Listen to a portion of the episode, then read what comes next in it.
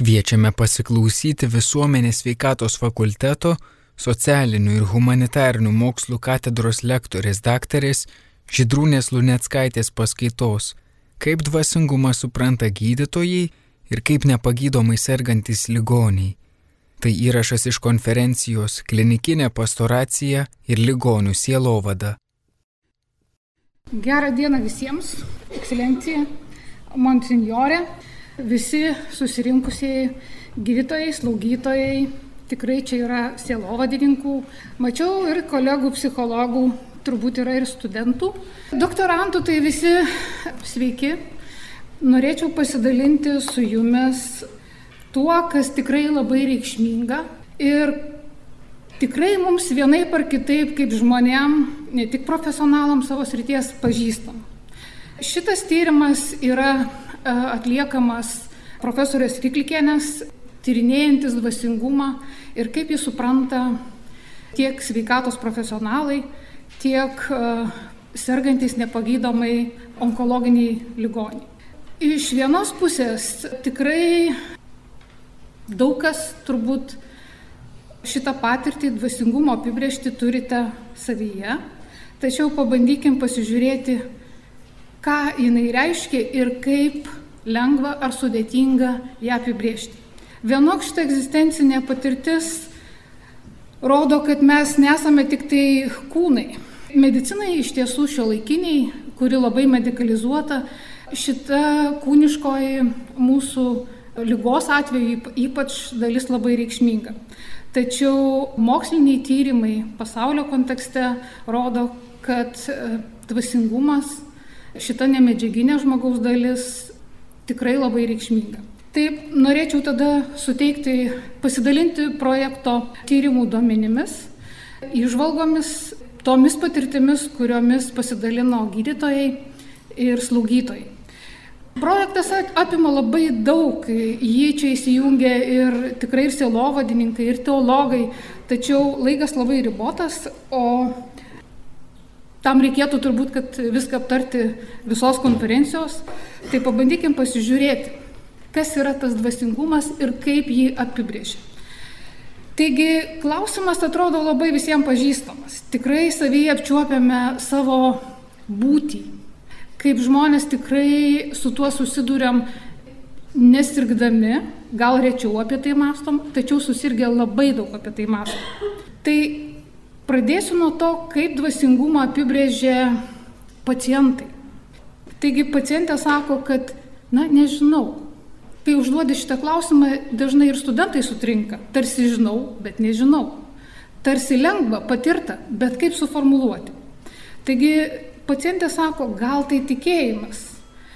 Nu, šiaip praktikoje, kaip matot, jinai teigia, sunku tą pasakyti. Gal susitaikymas, o gal negalvojimas apie tą lygą gyveni, na ir tiek. Gal tikėjimas, kad pasveiksi, gal tai yra dvasingumas. Kita pacientė apibrėžia tai kaip stiprybę. Stiprybę kovoti, turėti viltį. Vyras pacientas sako, kaip suprasti tą dvasingumą. Va šito klausimu tai nelabai suprantu.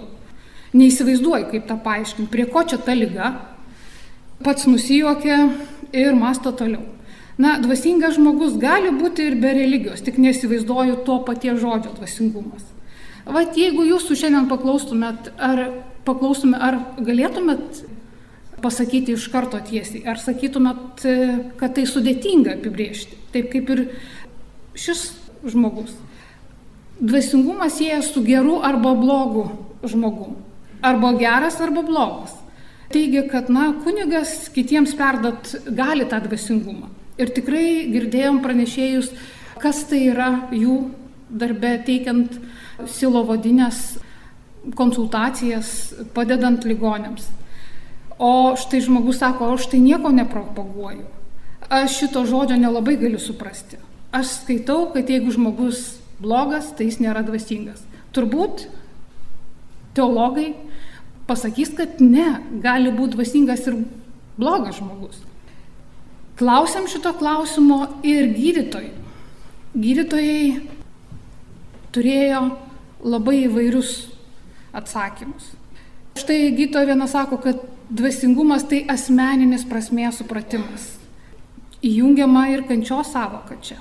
Tikriausiai tą galėtume patvirtinti ir mes patys, kad tai tikrai labai asmeniškas supratimas. Gydytojas sako, kad dvasingumas yra tai, kas jau už mūsų kūno ribų, už mūsų santykio ribų. Teigia, kad kai aš pradedu galvoti iš vis apie prasme, e, kyla tada mąstymas, klausimas, kad tai yra mano gyvenimo, mano lygos, mano ateities prasme. Teigia, kad iš tiesų jos profesijoje Šitie klausimai paliečiami dažnai, tačiau kasdien ir apeinami, nes ne visada galvojame apie tai, neklausiam apie tai. Ir tikrai dažnai patvirtina, kad šitas klausimas apie dvasingumą, kas tai yra, iškyla ir pačiam ligoniui. Kai jis pradeda pykti už lygą, kai kaltina, kodėl man, ar pradeda ieškoti atsakymų, kai pakyla viršum, gydo sako žemės na, turbūt virš žemės, tai to mūsų kasdieniško gyvenimo. Gyto sako, kad gydomi kūną, gydome ir, ir dvasę. Ir tai yra vidinis pasaulis. Dažnai dvasingumą tikrai e, susiję su žmogaus vidu. Dažnai man studentai paklausti apie dvasingumą ir sako, tai mano vidinis pasaulis. Tai šita samprata tikrai dažna. Štai slaugytoja paklausta, e, kas yra dvasingumas ir kaip jį apibriežti, taip pat patvirtina, kad tai nelengva nusakyti. Ir sako, kad dvasingumas tai yra, na, namų pojūtis. Kai jautiesi taip kaip namuose. Ir jeigu šitas namų pojūtis atėjus į ligoninę pasitinka, persmelkia, tai ir bus dvasinga aplinka. Tas prieimas, prieimas prie pačio žmogaus slaugytoja sako, kad tai turi būti kitoks tas prieimimas, nevaldiškas. Rūpestis turi jaustis ir ne tik ligonių, bet rūpestis ir jo artimaisiais. Dar viena samprata, kad tai yra sielos ramybė ir gebėjimas išklausyti kitą, neperšant savo nuomonės, o kartais ir e, patilėti išklausus. Kad tai harmonija su savim, su aplinka, su žmonėm, su kolegom. Dažnam, kaip matot, šita patirtis vienaip ar kitaip pažįstama. Su išmintim sieja dvasingumą. Su tuo, kad negali to taip tik tai turėti. Štai vienas slaugytojas sako, nu, nebūsiu dvasingas, jeigu aš tik tai šiaip savo vaikščiosiu ir atrodysiu pati savo dvasinga. Tai yra nuolatinis darbas ir tam darbui reikia pastangų. Tam darbui reikia patirties, kartais jinai būna ir labai skausminga. Na, tai yra patirtis, kuri ateina vieniems anksčiau, kitiems vėliau. Priklausomai nuo to, kiek mes, su kuo mes susidurėm, ką patiriam, kaip pergyvenam. Akivaizdu, kad dvasingumas turbūt siejamas su mūsų jautrumu. Išgirsti, matyti, slaugytojam, gydytojam ir apskritai kiekvienam iš mūsų. Jeigu reikėtų pasižiūrėti, kaip dvasingumą apibrėžia jau mokslas, tai tos sampratos tikrai patvirtina tai, ką sakė gydytojų, slaugytojų patirtis. Ir jos tikrai sutampa, jeigu žiūrėtume į raktažodžius, tai jie tikrai pakartoja, atkartoja jų patirtis. Taigi mokslas sako, kad tai yra žmogiška patirtis, atskleidžianti prasme, tikslą ir vertybės. Taigi tampa labai reikšmingos vertybės, ką vėliau gydytojų, slaugytojų patirtis tikrai užtvirtins ir patvirtins, kad tikrai taip. Prasmės paieška, tikslo, fundamentalus žmogaus buvimo aspektas tai yra. E, dvasingumas gali reikštis religinę formą, tačiau gali būti nepriklausoma ir nuo jos. Na, tą turbūt ir šitą auditoriją galėtų patvirtinti, kad mes dvasingumą siejam nebūtinai su tikėjimu, nebūtinai su religingumu, nebūtinai su ritualų atlikimu, tai gali būti ir visai kiti pasaulio žiūriniai dalykai. Dažnai yra e, mokslininkų apibrėžiama, kad tai yra multidimensinis fenomenas, kuriam nesvarbu lytis, rasė, žmogaus kilmė, kad šitas fenomenas koncentruojasi į santykį, kuris tikrai medicinoje labai reikšmingas. Į santyki tarp gyto paciento, tarp gydy, slaugytojo paciento, tarp slaugytojo ir slaugytojo kolegų tarpe, tarp sielovadininko ir paciento, tarp sielovadininko ir komandos, gydytojų, slaugytojų ir kitų. Iš tiesų šitas multidimensinis fenomenas kuria šitą santykį. Jo pagrindinis elementas ir yra gyvenimo prasme ir tikslas. Į ką mes e, nukreipiam reikalaudami iš savęs tam tikrų patirčių, darbo su savim. Ir tam reikia laiko, tai trunka visą gyvenimą. Ir akivaizdu, kad dvasingumas kaitus reiškinys. Na, čia turbūt teologai galėtų patvirtinti, kad šitą dvasingumo sampratą dažniausiai pagilina, išplečia ne patys džiaugsmingiausi patyrimai, o lyga, artimųjų, pačio. Dažniausiai tik tada žmogus patyręs šitus sukretimus dažniausiai ir ima apčiuopti tai, kas susijęma su tuo, ką mes šiandien aptarėm - dvasingumu. Ką reiškia dvasingumas ir lyga? Tikrai šio laikinė medicina, žiūrėdama į žmogų, gali labai daug, padėdama medicalizuota, apsiginklavusi technologijom, ilgus šimtmečius jai rūpėjo kūnas ir dabar kūnas, fizinis ligmuo tikrai labai reikšmingas nes visose tyrimo apklausose e, dalyvavę gydytojai, slaugytojai patvirtino, kad pirmiausia reikia suvaldyti skausmą, kažkokius e, fizinius simptomus blogus. Tačiau e, jeigu žiūrėtume iš šitos perskiros lyga ir jos poveikių žmogaus dvasingumui, tai ką rodo šitas fizinis lygmuo? Kad lyga sutrikdo tą biologinį organizmo normalų veikimą. Sutrinka ir kitos sąveikos. Žmogus iškrenta iš laiko ir erdvės, jeigu taip galima būtų pasakyti. Tai reiškia, kad keičiasi žmogaus, sergančio žmogaus laiko samprata. Na, atliekamos procedūros tyrimai e, sutelpa į tą objektyvų laiką, kiek mes suskaičiuojam, kiek tai trunka. Tai galima netaip jau sunkiai ištverti. Tačiau subjektivus laikas labai ištysta kai laukiama atsakymų, kai prognozių e, laukiama.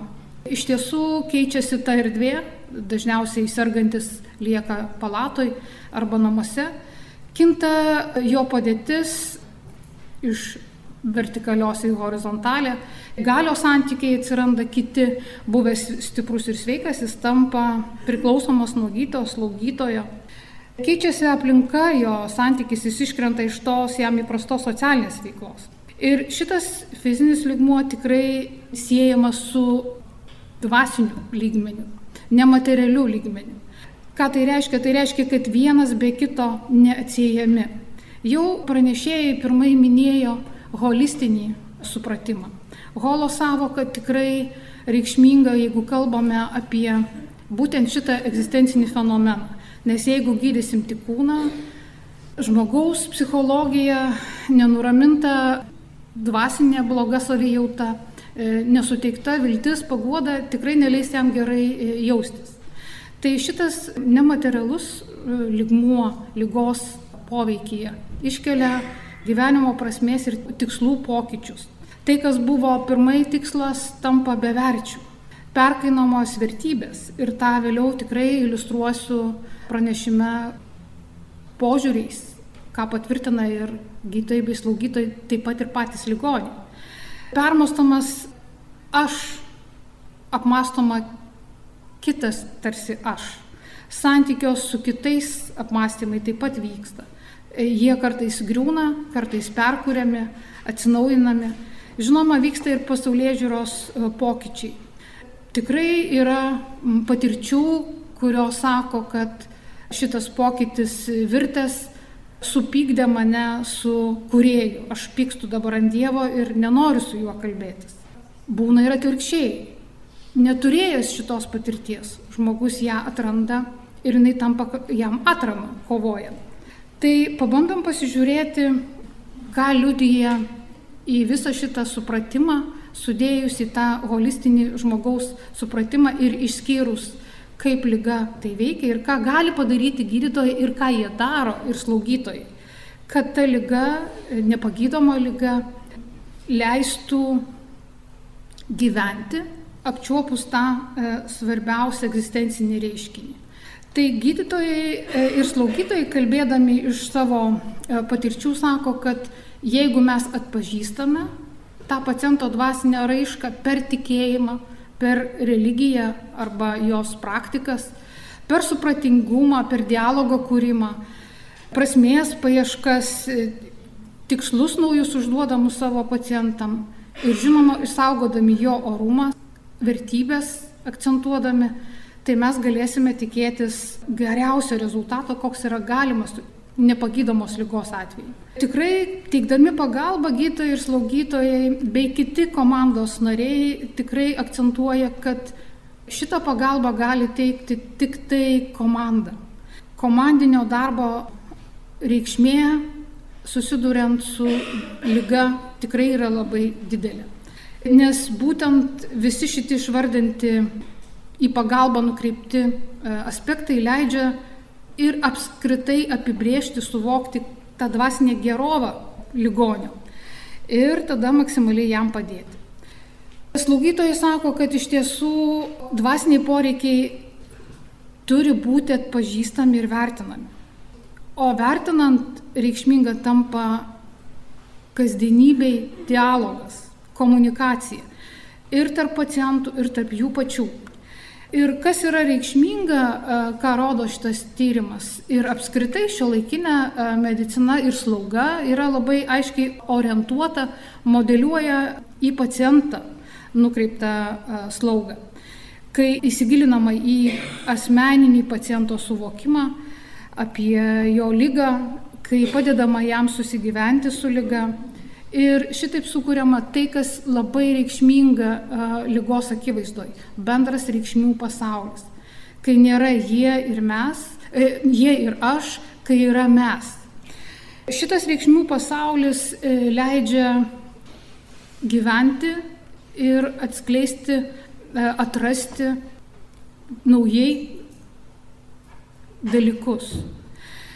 Ir kokie tie tyrimo radiniai? Tikrai patvirtina gydytojai, o buvo ir tikinčių, ir netikinčių, kad tikėjimas ir religija, jos raiška tikrai svarbi lygos akistatoj. Gydytojas sako, kad yra kelios pacientų grupės. Kita kartą turi su jais ir kovoti. Na ir kaip matot, pajuodinau nuleisti juos ant žemės. E, sako, kad ne visada pavyksta. Tada pacientai eina ieškoti pagalbos kitur kitur patarimo, kitur atradimo, turėdami viltį. Vėl vilties problema. Vilties neužgesini, bet kokiu atveju. Ar tu esi toj grupiai, ar kitoj, paciento viltį palaiko ir palaikyti turi kaip to Jobo dramai. Turbūt žinomas daugumai šitas kūrinys.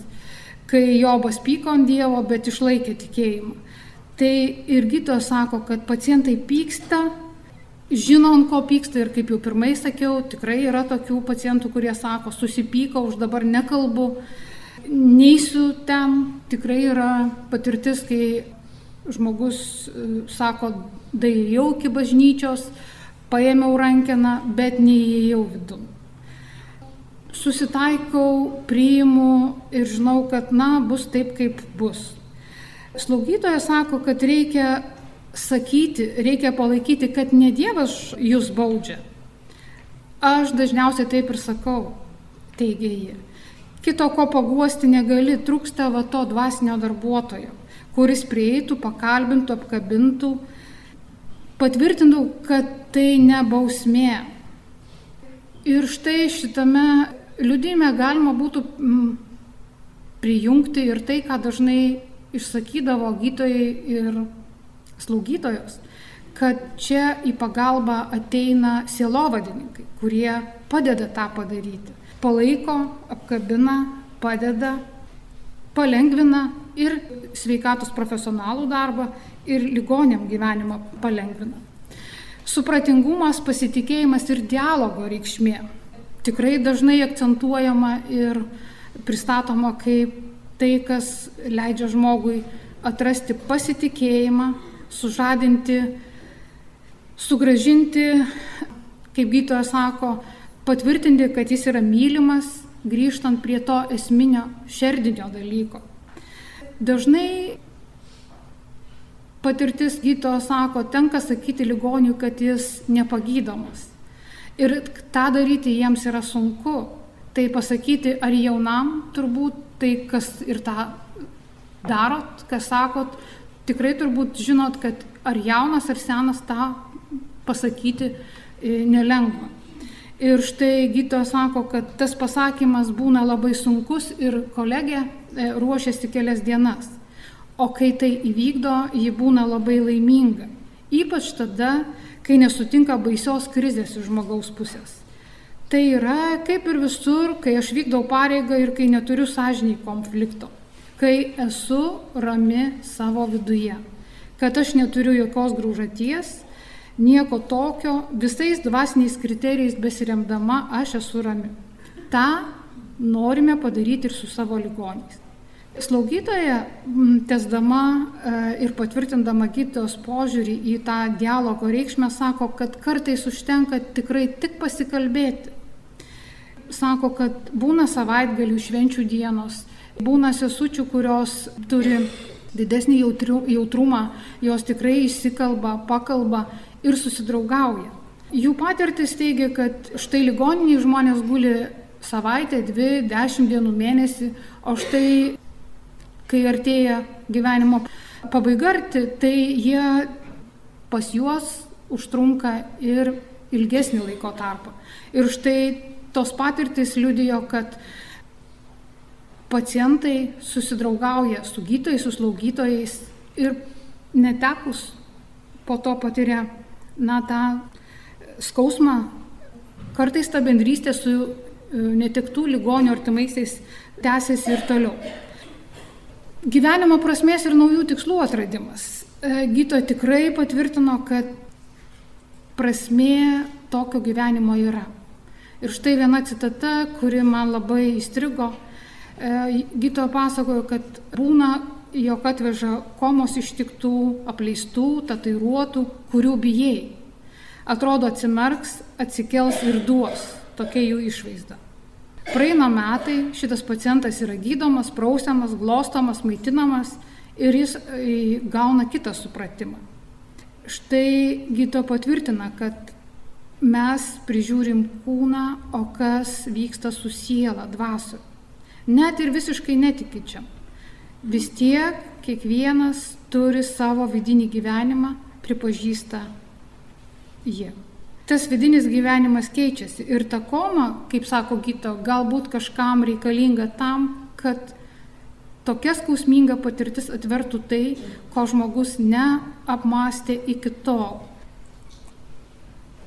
Aš galiu eiti, galiu paaiškinti, kodėl tai vyksta, kodėl tas reikalinga ir ar tai turi prasme, ar tai yra dėl kažko. Gyto sako, galbūt e, ją yra lengviau tai pasakyti, kad šitoje vietoje aš žinau, dėl ko yra lygos prasme, ateities, kokia yra būklė ir ką aš galiu jam pasakyti.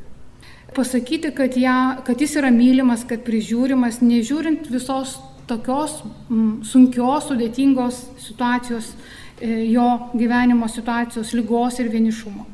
Ir čia gytoja patvirtina tarnystę Tai va šitoj vietoj man kaip patarnaujančiai didelis pliusas, aš rami galiu tą patį perduoti tam žmogui. Taigi akivaizdu, kad šita patirtis patvirtina, jog ir gydytojam, ir slaugytojam tai jų esaties dalis yra. Ir tas dvasingumas, tos patirtis, ta, tai, ką jie apčiuopia, jie perdoda tarnystės metu padėdami ligoniui. Gydytojo rezidentė sako, kad man tai prasme kiekvieną dieną sukurti čia ir dabar. Nes aš nežinau, pas kokį pacientą einu, pas kokį žmogų nueisi, bet kiekviename žmoguje išvelgti jo prasme. Komandos reikšmė, komandinio darbo reikšmė.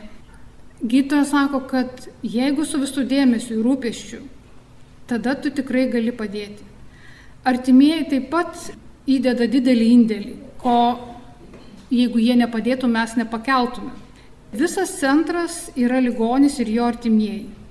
Jų negali išvesti iš komandos, turi kartu dirbti. Ir tai, ką pajuodinau, tai tikrai labai reikšminga šitai sampratai, kad svarbu komanda. Kai yra artimieji, tada tu gali pasiekti, kai yra e, profesionalai, kolegos, kurie palaiko, tikrai gali pasiekti gero rezultato. Ir tas perdegimo sindromas nutolsta.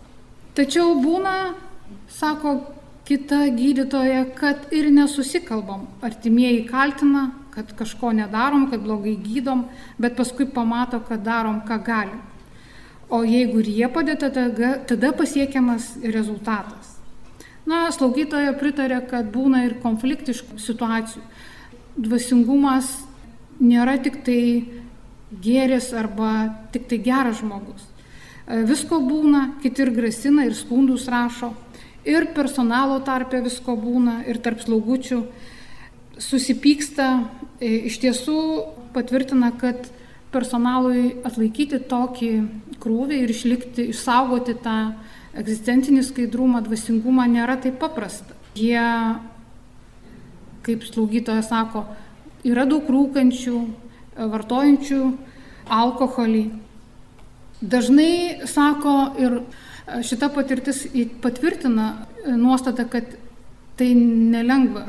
Dažnai žmonės nešasi namo tai, kas vyko jo pamainoje pasibaigia 8 val. ir jis išeina su tuo ir nešasi viską į šeimą. Nėra sistema sutvarkyta, neturim jokios kitos galimybės. Kartais padeda gydytojai, kartais dvasinis asistentas, vieni kitiem padedam. Čia nėra kažkaip kitaip, visoje Lietuvoje taip.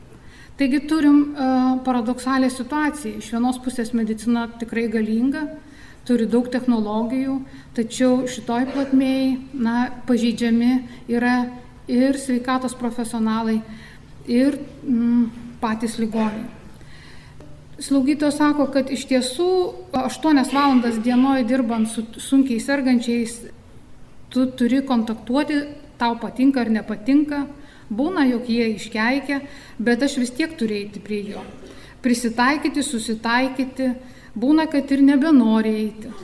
Tada pasikeiti su kita slaugytoja, eini kitą e, palatą. Na, taigi vėlgi patvirtinamas, kad komanda padeda vieni kitiems ir tai yra tikrai reikšminga. Išsaugoti orumą. Apie orumą šiais laikais tikrai dažnai girdime. E, mes e, girdime politikus, kalbant apie orę senatvę, apie orę studijas, apie orius atlyginimus ir taip toliau ir taip toliau.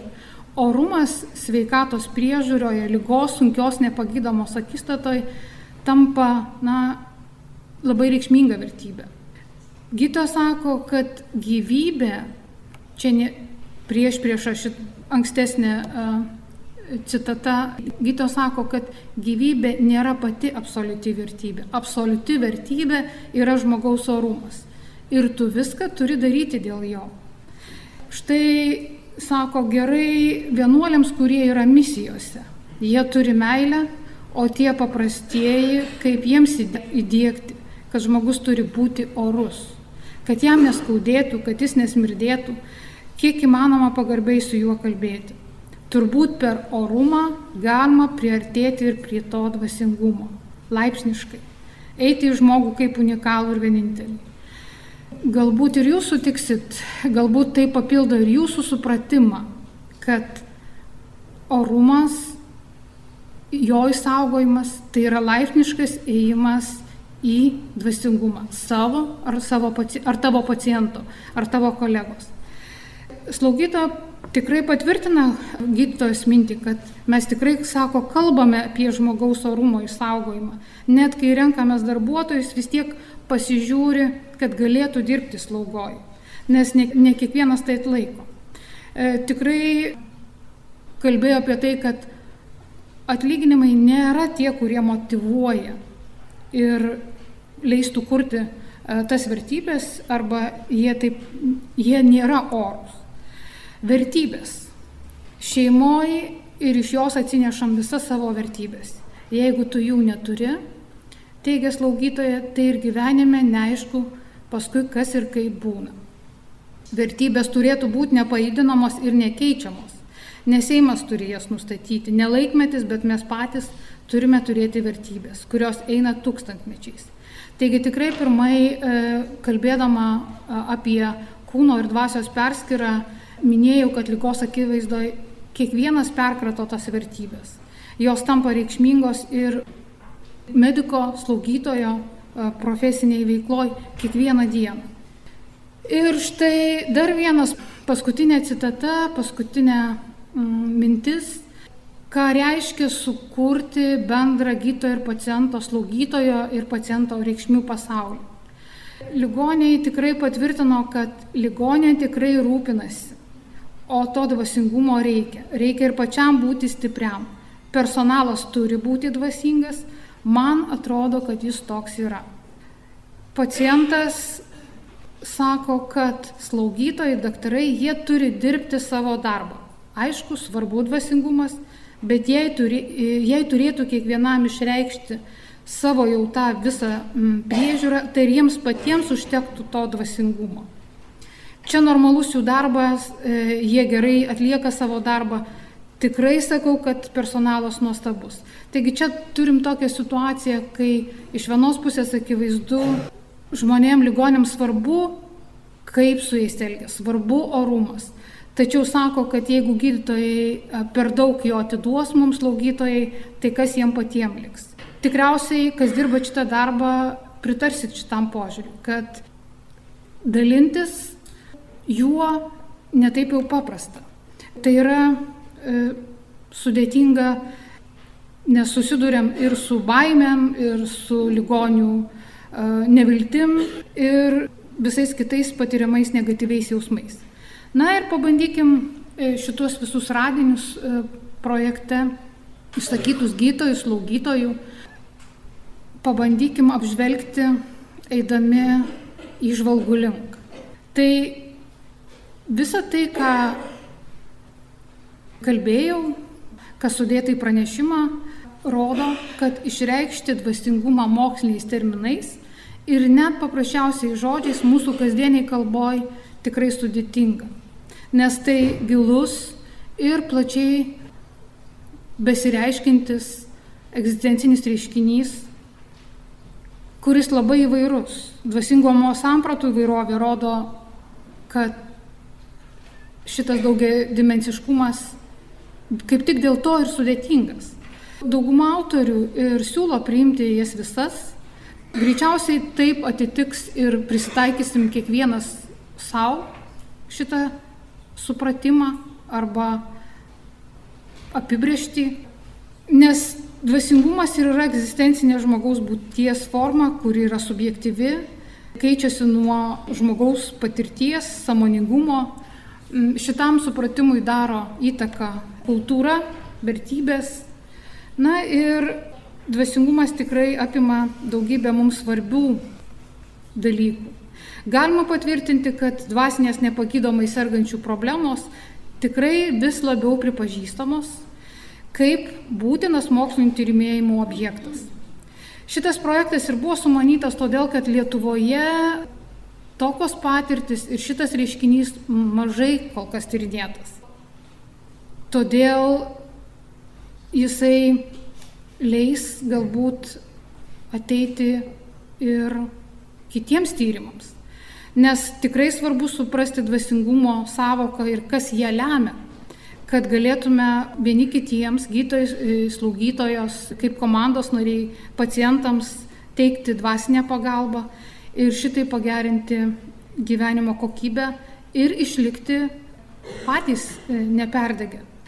Tikrai galima patvirtinti tai, kad dvasingumo pagrindai nebūtinai religiniai. Dvasingumas gali būti traktuojamas kaip ta prasmės paieška, kaip naujų tikslų iškelimas, kaip gebėjimas tikėti, mylėti, atleisti ir žengti žingsnį per jutiminę žmogaus patirtį. Tyrimo radiniai atskleidė, kad dvasingumo supratimas individualus, jo raiška leidžia kurti mums dialogą, bendravimą tarp sveikatos profesionalų, tarp pacientų. Ir tai, kas tikrai yra labai reikšminga, nulėmė žmogaus santykių humaniškus metmenis. Tai kuo uh, garsėja nuo Hipokrato laikų medicina. Ir kas svarbiausia, leidžia kurti bendrą reikšmių pasaulį ir atrasti tai, kas leidžia išsilaikyti. Pristatymą noriu pabaigti profesoriaus, ilgamečio gydytojo, atidavusio ne vieną dešimtmetį savo pacientams Andžėjaus Ščekliko mintim, jog jautrumas medicinoje ypač svarbus. Viena vertus mes privalome jų apsišarvuoti, nes kitaip nepakeltume to skurdo kančios aplink save. Kitaip gydytojas imtų verkti draugė su ligoniu ir valandą padirbęs taptų niekam tikęs, o chirurgas palūštų prie operacinės stalo. Na ir tą šarvą tenka kiekvienam užsivilkti kasdien ir gydytojui, ir slaugytojui. O jautrumas siunčia pirmą impulsą, kuris žadina gydytoją, slaugytoją judėti. Tai šito impulso, šito jautrumo, jo išsaugimo linkiu jums visiems. Girdėjome visuomenės veikatos fakulteto socialinių ir humanitarinių mokslų katedros lektorės dr. Žydrūnės Lunetskaitės paskaitą, kaip dvasingumą supranta gydytojai ir kaip nepagydomai sergantis ligoniai. Tai įrašas iš konferencijos klinikinė pastoracija ir ligonių sielovada.